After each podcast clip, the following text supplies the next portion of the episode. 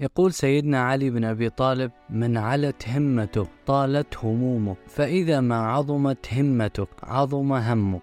ويشير أيضا أبو الطيب المتنبي بقوله: يخلو من الهم أخلاهم من الهمم، فالخالي من الهمة الخالي من الطموح الذي لا يحلم بالكمال في علم ولا أدب ولا خلق ولا مال فهو شخص مرتاح خالي من الهموم لأنه غير مرتبط لا في وقت ولا في زمان ولا في مراحل يجب إنجازها. فلنضرب مثلا صاحب الهمة في العلم فهو نهم جائع ليتعلم أكثر فأكثر. فهو يريد أن يحفظ يريد أن يترجم يريد أن يكتب يريد أن يريد كل شيء. يقول الدكتور مشاري الشذري لابد أن نتصالح مع همومنا إذا ما علت همة. فإذا ما انتهيت من كتاب أو انتهيت من مشروع فلا يمكنك فصل الهم عن الهم لأن أنها دائما ما ستوافق همتك الهموم. لأن الهموم في الغالب هي مقدمات لمكاسب كثيرة.